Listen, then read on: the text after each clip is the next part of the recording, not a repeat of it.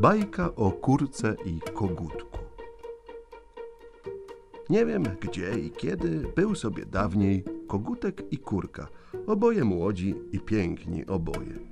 Nie dziw też, że się serdecznie kochali, a choć kogut tyle miał żon, ile widział kur przed sobą, jednak na jakiś czas przywiązał się do tej tylko srokatej kurki. Piękna była kurka, ale jak nie jedna z kobiet pokrywała ślicznymi połyskującymi piórkami brzydkie wewnątrz serce i duszę.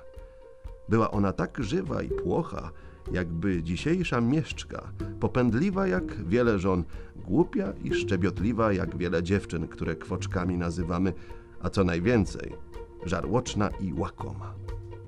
Kogut, starając się, aby go polubiła, nie odstępował jej na krok i cały dzień musiał znosić dla niej, co tylko mógł do jedzenia znaleźć gdzie i porwać smacznego.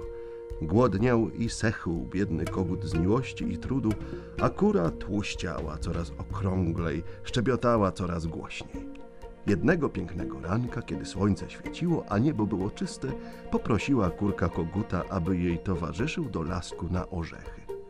Jak przyszli do lasu, kogut wlazł na leszczynę, zaczął trząść drzewem i wiele natrząsł pięknych i dojrzałych orzechów.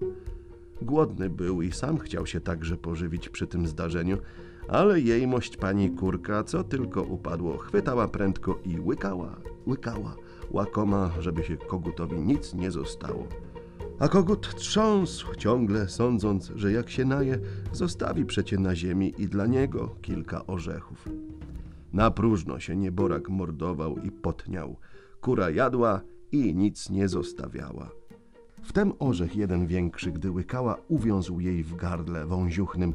Zakrztusiła się, udławiła i padła, o ziemię trzepiocząc skrzydełkami. Kogut piorunem zleciał z drzewa i przypadł do niej. Leżała bez ducha, wyciągnięte miała śliczne żółte nóżki i zdychać się zdawała. Żal chwycił koguta za serce. Chciał ratować ją. Nie można było inaczej jak wodą. Wody nie było w lasku ani kropli. Trzeba iść było do morza.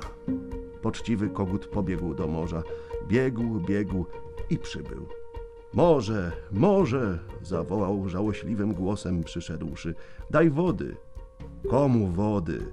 odezwało się morze zielone ogromnym głosem mojej kurce wody. Kurka leży wedle drogi, ledwie tchnie. A w cóż dam ci wody? W co wody? odezwał się zafrasowany kogut. Dali pan, anim o tym pomyślał biegnąc. Tak to wy zawsze młokosy robicie, odezwało się morze. Sami nie wiedząc, czego wam potrzeba. Idź, poproś wieprza, niech ci kła pożyczy. Nabierzesz w kieł wody i zaniesiesz. Kogut pobiegł znowu prędko. Przychodzi do wieprza.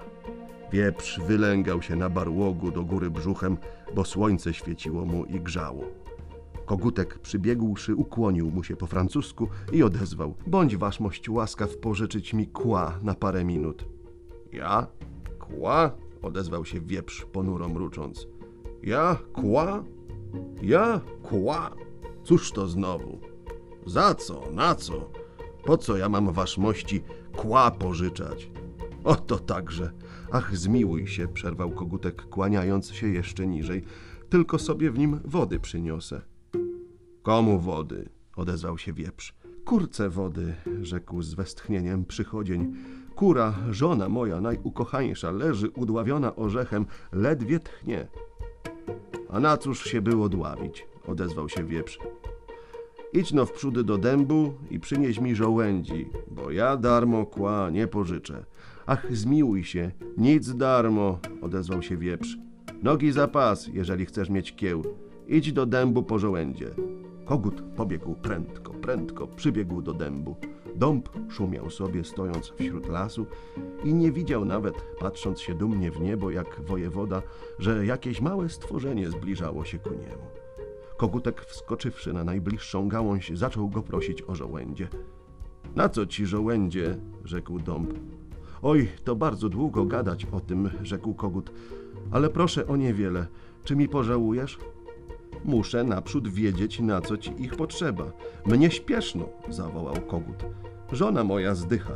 Wieprz nie chce dać kła, póki mu żołędzi nie przyniosę, a kieł potrzebny mi na wodę, którą chcę ją ocucić. Dam ci kilka żołędzi, odezwał się dąb. Ale nic darmo. Pójdź stąd niedaleko do lipy i przynieś mi od niej łyk. A na co wasz mości łyka? A tobie co do tego, drobne stworzenie? Ofuknął się dąb. Tak chcę i koniec. Kogutek reszty nie słyszał, bo już był w drodze i zbliżał się do lipy. Skoczył na gałąź i pokornie o łyka prosi. Lipa była w złym humorze. Wiatr jej w nocy ze złości gałęzie połamał. Skrzywiwszy się więc, odpowiedziała: Na co ci łyka? Zmiłuj się, nie pytaj o to, rzekł kogut. Strasznie bym wiele rzeczy musiał ci tłumaczyć, a mnie tak pilno. Musisz wprzódy opowiedzieć, odpowiedziała lipa i kogut znowu zaczął swoją opowieść. Kiedy tak, odezwała się lipa, uważam, że nikt ci darmo nic nie daje. Idźże waszyć do krowy po mleko dla mnie, jeżeli chcesz łyk dostać. Na cóż jej mości mleko? A dąb na co łyk potrzebuje? zawołała lipa. Nic darmo, nic darmo. Znowu leciał kogutek prędko, prędko przez łąkę, przez płot, aż do obory, w której stała krowa, depcząc pod nogami słomę. Kogut siadł na żłobie i zaczął się kłaniać nisko. Prosiłbym o odrobinę mleka, rzekł cicho. Na co tobie mleka? Wszak ty go nie pijesz, zapytała krowa.